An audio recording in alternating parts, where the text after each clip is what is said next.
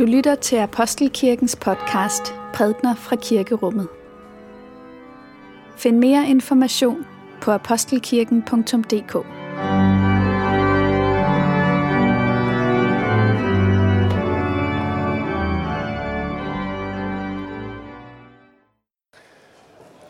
God formiddag. God formiddag alle sammen. Og øh, velmødt til gudstjeneste her i Apostelkirken. Vi bliver mange mennesker i dag, så jeg håber, I er med på at give plads til et ekstra menneske på øh, kirkebænken. I dag er det Septuagesimas søndag, og det er sådan en søndag, der ligger mellem Hellig Tre Kongers tiden, hvor vi har kigget på Jesu herlighed, og så fastetiden, som kommer lige om lidt med sin særlige indadvendthed. Men i dag så træder vi lidt ud af vores tekstrække og skal kigge på en figur fra det gamle testamente på Gideon. Gudstjenesten hedder Gud. Nu må du ikke blive sur, men øh, og det er Christa Korsholm Bøjesen, der prædiker for os. Med gudstjenesten her, så runder vi også vinterglød af vores lille festival, som vi har haft de sidste par dage, og som jeg i hvert fald har stor nyt. Du livets Gud, gør mig til redskab for din fred. Hvor hadet gror, lad mig så kærlighed. Hvor uret råder, lad mig skabe ret. Hvor tvivlen nærer, tro på dig. Hvor mørket truer, lad mig tænde lys. Hvor håbløsheden hersker, bringe håb. Hvor sorgen knuger, trøst fra dig. Herre, lad mig ikke tænke på, om jeg bliver trøstet, men om jeg kan bringe trøst. Om jeg forstås, men om jeg kan forstå. Om jeg, el- om jeg elskes, men om jeg kan elske andre.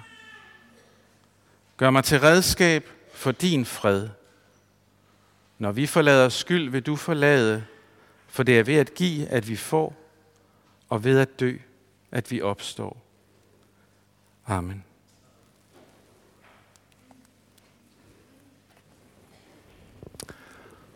Og vi skal lytte til en tekst fra Hebræerbrevet i det nye testamente, kapitel 11.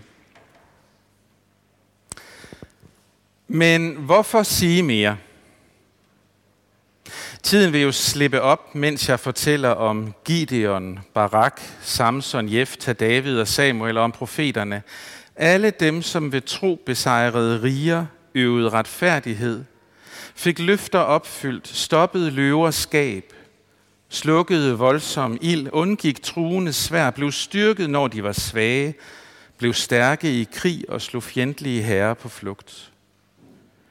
Kvinder fik deres døde igen ved opstandelse. Andre blev pint til døde og afviste at lade sig købe fri, for at de kunne opnå en bedre opstandelse.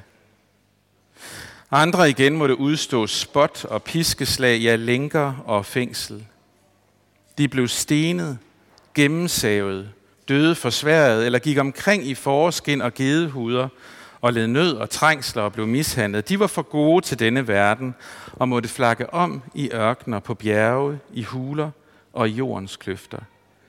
Alle disse, hvis tro er bevidnet, opnåede dog ikke at se løftet opfyldt. For Gud havde for vores skyld noget bedre for øje, nemlig at de ikke skulle nå målet uden os. Vi skal læse før dommerbogen. Lad os takke for Guds ord. For Guds ord i skriften, for Guds ord i blandt os, for Guds ord inden i os, takker vi dig Gud. Alle midjanitterne og amalekitterne og Østens folk samledes og gik over Jordan, og de slog lejr på Israelsletten. Da iklædte Herrens ånd sig Gideon. Han støtte i hornet, og abeseritterne sluttede op bag ham. Derpå sendte han bud ud i hele Manas, og de sluttede også op bag ham. Og han sendte bud ud i Asher og Zebulon og Naphtali, og de sluttede sig til dem. Gideon sagde til Gud, Vil du frelse Israel ved mig, sådan som du har lovet? Nu lægger jeg noget uld på tærskepladsen. Og hvis der falder duk på ulden alene, mens der er tørt på jorden, så ved jeg, at du vil frelse Israel ved mig, sådan som du har lovet. Og sådan gik det. Da han næste morgen vred ulden, pressede han så meget duk ud af den, at der blev en skål fuld vand. Gideon sagde til Gud, Du må ikke blive vred på mig, når jeg taler denne ene gang endnu. Lad mig bare en gang til prøve med ulden. Lad ulden alene være tør, mens der falder duk på jorden. Og sådan gjorde Gud den nat. Kun ulden var tør, mens der var duk på jorden. Amen.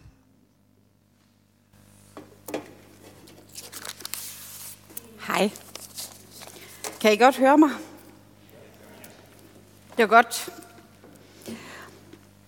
Ja, jeg hedder Christa Korsholm Bøjsen, og øh, jeg er psykolog. Så hvis jeg siger noget, der er noget ævl, så øh, må jeg bare bebrejde Thomas, fordi han har bedt en psykolog om at tale, og ikke en, der er teolog. Og jeg har fået lov til at tale om Gideon, fordi at Thomas han spurgte mig, hvad jeg gerne ville tale om. Og jeg sagde med det samme, Gideon. Jeg blev lige konfronteret med her den anden dag, noget som jeg tydeligvis har fortrængt, fordi jeg ikke har lyst til at tænke på det. Vi havde gæster og sad og talte om, hvordan vi havde valgt navnene til vores børn, og hvad vores egne navne betød. Mit er så kristen, som det bliver. Krista betyder kristen. Vi valgte navnet Adam til vores søn, fordi vi inden han blev født mistede to børn ret tidligt i graviditeterne, men stadigvæk. Og navnet Adam mindede mig om, at vi skaber ikke vores børn. Vi ønsker os dem. Ja, der er noget, vi kan gøre for at få børn. Det er jeg godt klar over. Men der er ikke noget, der vil hedde ufrivilligt barnløse, hvis vi selv bare kunne bestemme. Det er ikke noget, vi har magt over. Vi har indflydelse på det, men vi har ikke magten til at sige, nu vil jeg have børn, så det får jeg. Og det var en tryghed for mig, og vi valgte navnet Adam, fordi det betyder menneske eller jord, fordi Gud skabte af jord. Øhm, vores datter Liana er en knap så heldig historie. Øh, det var fordi, jeg har altid tænkt, at jeg skulle have en datter, der hed Maria, Hanna, øh, Maria, Anna eller Johanne. Og hvad tror I, vores brødre har giftet sig med? Maria, Johanne og Anna. Øh, så, øh, så vi var lidt ude at svømme og endte med at få inspiration fra et magic-kort. Og øh, før der er nogen, der tror, at det her det er øh, hekseri, så er det altså bare et spil. Men det var derfra, det navn kom. Og midt i den her ret hyggelige snak, så øh, kigger min mand på mig og siger, ja, nu må du jo ære dig over, at du ikke var med på at kalde ham Gideon. Jeg var bare sådan, du har aldrig foreslået, at han skulle hedde Gideon.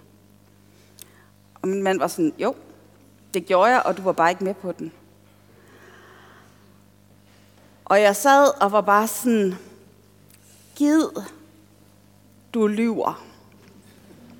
Men det gjorde han ikke, det ved jeg godt. Øhm, men jeg vil virkelig gerne benægte det, blandt andet fordi, at øh, min søn flere gange har sagt, at det er lidt nederen, at øh, jeg har valgt navnet Adam, når Adam nu ikke lige frem er øh, den mest geniale person i Bibelen.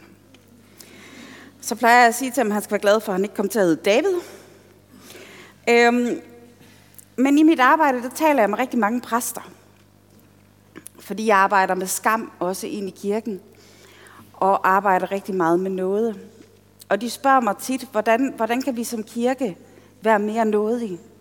Også og når man lærer om det, der står i Bibelen. Og jeg plejer at sige, mindre Abraham, mere Gideon. Og en hel masse andet, bare roligt, men det får I ikke nu. De fleste har på et eller andet tidspunkt i skolen eller et eller andet sted mødt historien om Abraham, hvor Gud siger til ham, du skal ofre din søn og Abraham siger, okay Gud. Og øh, da han har fået ham på alderet og så videre, så kommer der heldigvis en røst og siger, nej, du skal ikke slå ham ihjel. Øh, men det er den her test af Abrahams tro. Om han tror nok til at ville ofre sin søn, når Gud siger det. Og jeg hader den historie. Øhm, fordi at øh, som psykolog, der er jeg sådan lidt, jeg håber faktisk, at de vil sige nej.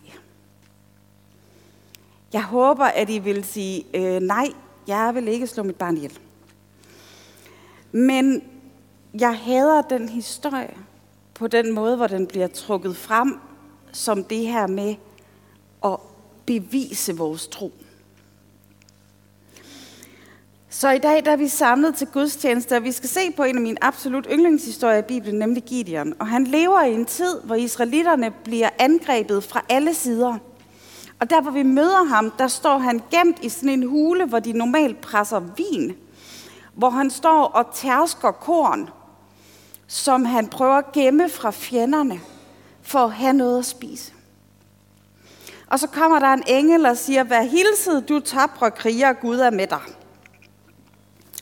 Og Gideon, han bliver gal. Han svarer, ser det ud, som om Gud er med mig? Har du set, hvor jeg står? Har du set, hvad der sker? Jeg gemmer mig for fjenderne, som Gud lader tage alt fra os. Og jeg elsker den her reaktion. For den reaktion, som han kommer med, den her vrede, den tror jeg mange af os kender. Ser det ud, som om Gud er med mig? Jeg er lige i den proces for tiden.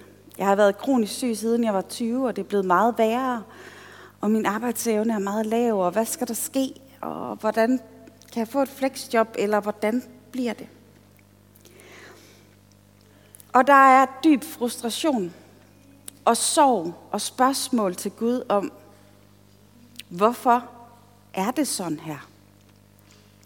Hvis du er almægtig Gud, hvis du er med mig, hvorfor står jeg så her på den måde, som jeg gør? Hvis jeg kunne læse jeres tanker, så ville jeg sikkert kunne finde nogle eksempler. Ser det ud, som om Gud er med mig, når mit ægteskab er i stykker? Ser det ud, som om Gud er med mig, når jeg har været nødt til at flygte fra det land, jeg kommer fra, for at kunne leve? Ser det ud, som om Gud er med mig, når jeg ikke kan få pengene til at række til det mest nødvendige? Ser det ud, som om Gud er med mig, når jeg har en depression? Ser det ud, som om Gud er med mig, når mennesker, jeg elsker, vender mig ryggen? Og den her smerte, som er i livet, frustrationen, magtesløsheden, vreden og håbløsheden, den tror jeg, vi alle sammen kender, og hvis I ikke kender den endnu, så er jeg ked af at sige det, så kommer I til det på et tidspunkt. Det, jeg elsker ved Gideon, det er, at han bare buser ud med det. Han har lige fået besøg af en engel, der siger, at han er en tapper kriger, og i øvrigt også siger, at Gud vil frelse Israel gennem ham. Og det, han siger, det er bare, hvad ævler du om? I stedet for at sige, øh, hvor lyder det fantastisk, og nu skal jeg nok tage mig sammen, og så videre. Så siger han bare det, han har på hjerte. Og det vil jeg gerne lære af. Lære, at det er en vigtig del af vores, af vores forhold til Gud, at vi faktisk siger det, som vi har på hjerte.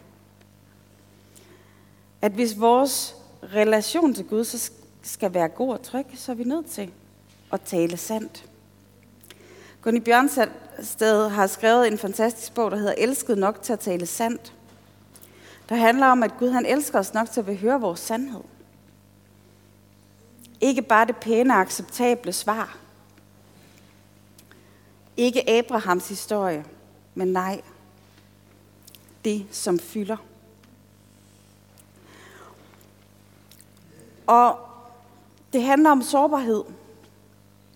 Sårbarhed, som kan lede os to steder hen. Når vi er sårbare, så er det jo netop fordi, at vores skjold er nede, at vi kan blive såret. Når vi viser os, som vi er, så kan vi enten havne der, hvor vi bliver afvist og føler skam og føler os forkerte og alene. Men det er også kun der, hvor vi kan mødes, accepteres og opleve, at vi bliver elsket, som vi er. Og Gideon gør det her. Han ejer det i mængder. meget kort fortalt, så englen øh, siger til ham, at han er blevet udvalgt og bla bla bla, og han skal lige teste englen, og det er en test, og så siger han, okay, nu tror jeg på dig, efter der er kommet et mirakel. Øhm, og så samler han alle de her, eller israelitterne samles omkring ham. Og der skal til at ske noget. Og så er det, at han alligevel bliver bange. Han er bange for, hvad der skal ske. Så han beder Gud om et tegn. Og det får han. Præcis som han har bedt om det. Det bliver leveret som bestilt fra Amazon eller et eller andet. Men det er ikke nok. Gideon er stadig bange. Og det er her, hvor han siger det her, Herre, nu må du ikke blive vred, eller Gud, nu må du ikke blive sur, men jeg er altså ikke, det var ikke nok. Det der fantastiske tegn, du gav mig, det var ikke nok. Så gider du lige bytte rundt. I går skulle ulden være våd, i dag skal den være tør. Og det sker. Og det, jeg griber efter her, det er, at han ikke pakker sine følelser væk. At han ikke siger, nu skal jeg være taknemmelig. Men at han er ærlig. Når jeg starter sætningen, men nu må du ikke blive sur til nogen, så er det fordi, jeg godt ved, at jeg er ved at være for meget. Og hvis min mand eller børn kommer til mig og siger, nu må du ikke blive sur, vel? Så er jeg allerede sur, før jeg har hørt, hvad de vil sige. Jeg tror, at den her blokering for at tale sandt, både til Gud og til mange andre, er en, vi også lider af. Denne her blokering med, jamen jeg skal ikke, jeg skal ikke bede om mere. Undskyld, jeg kigger på min telefon, den, den tæller, hvor lang tid jeg har snakket. Det er bare det.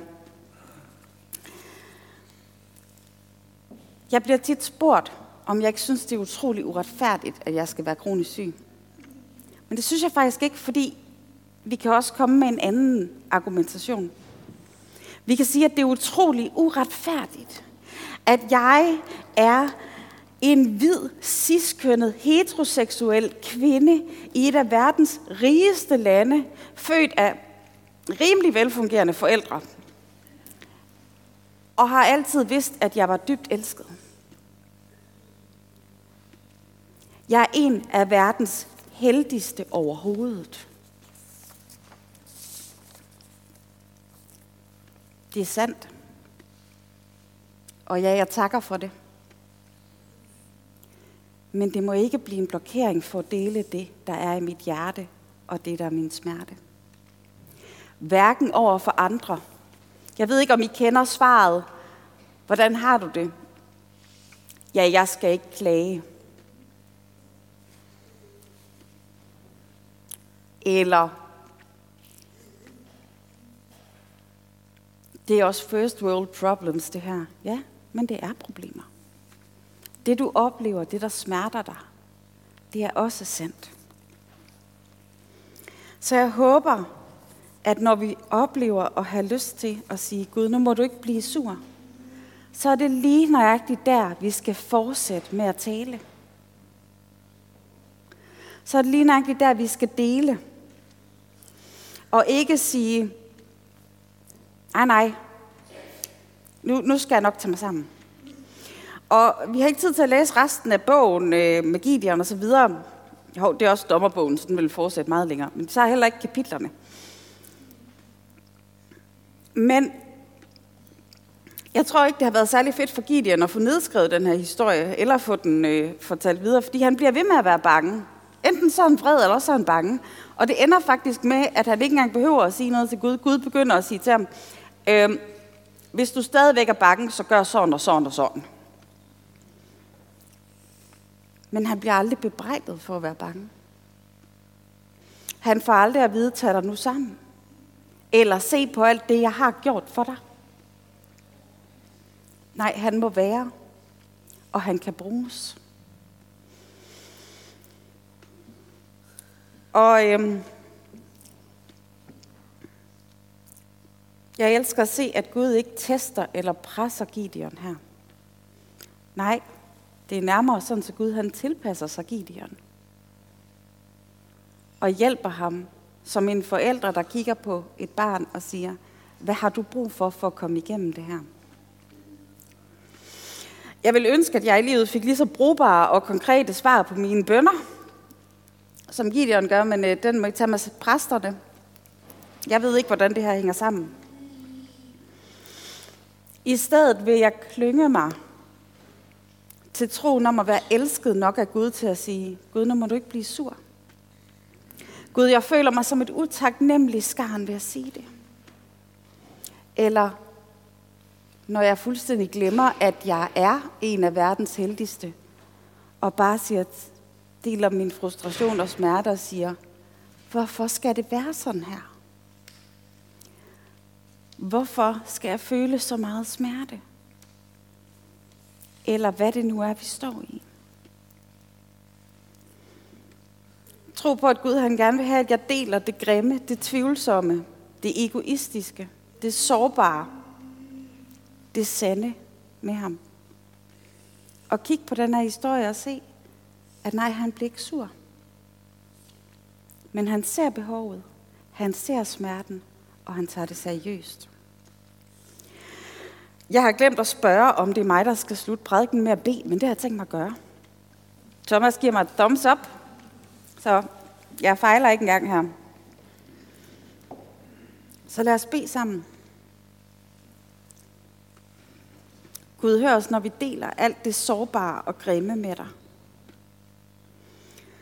Gud viser os, at vi må være os selv, og ikke skal redigere, hvem vi er, eller hvor gode vi er, eller hvor taknemmelige vi er.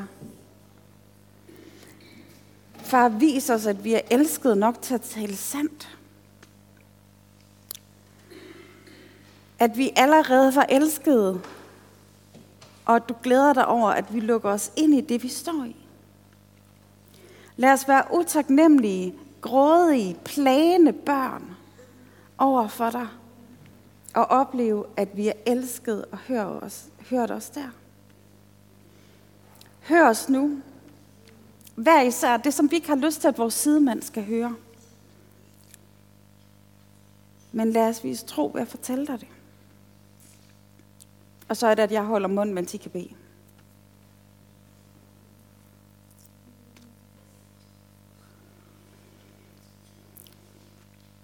Tak, at du hører os. Amen.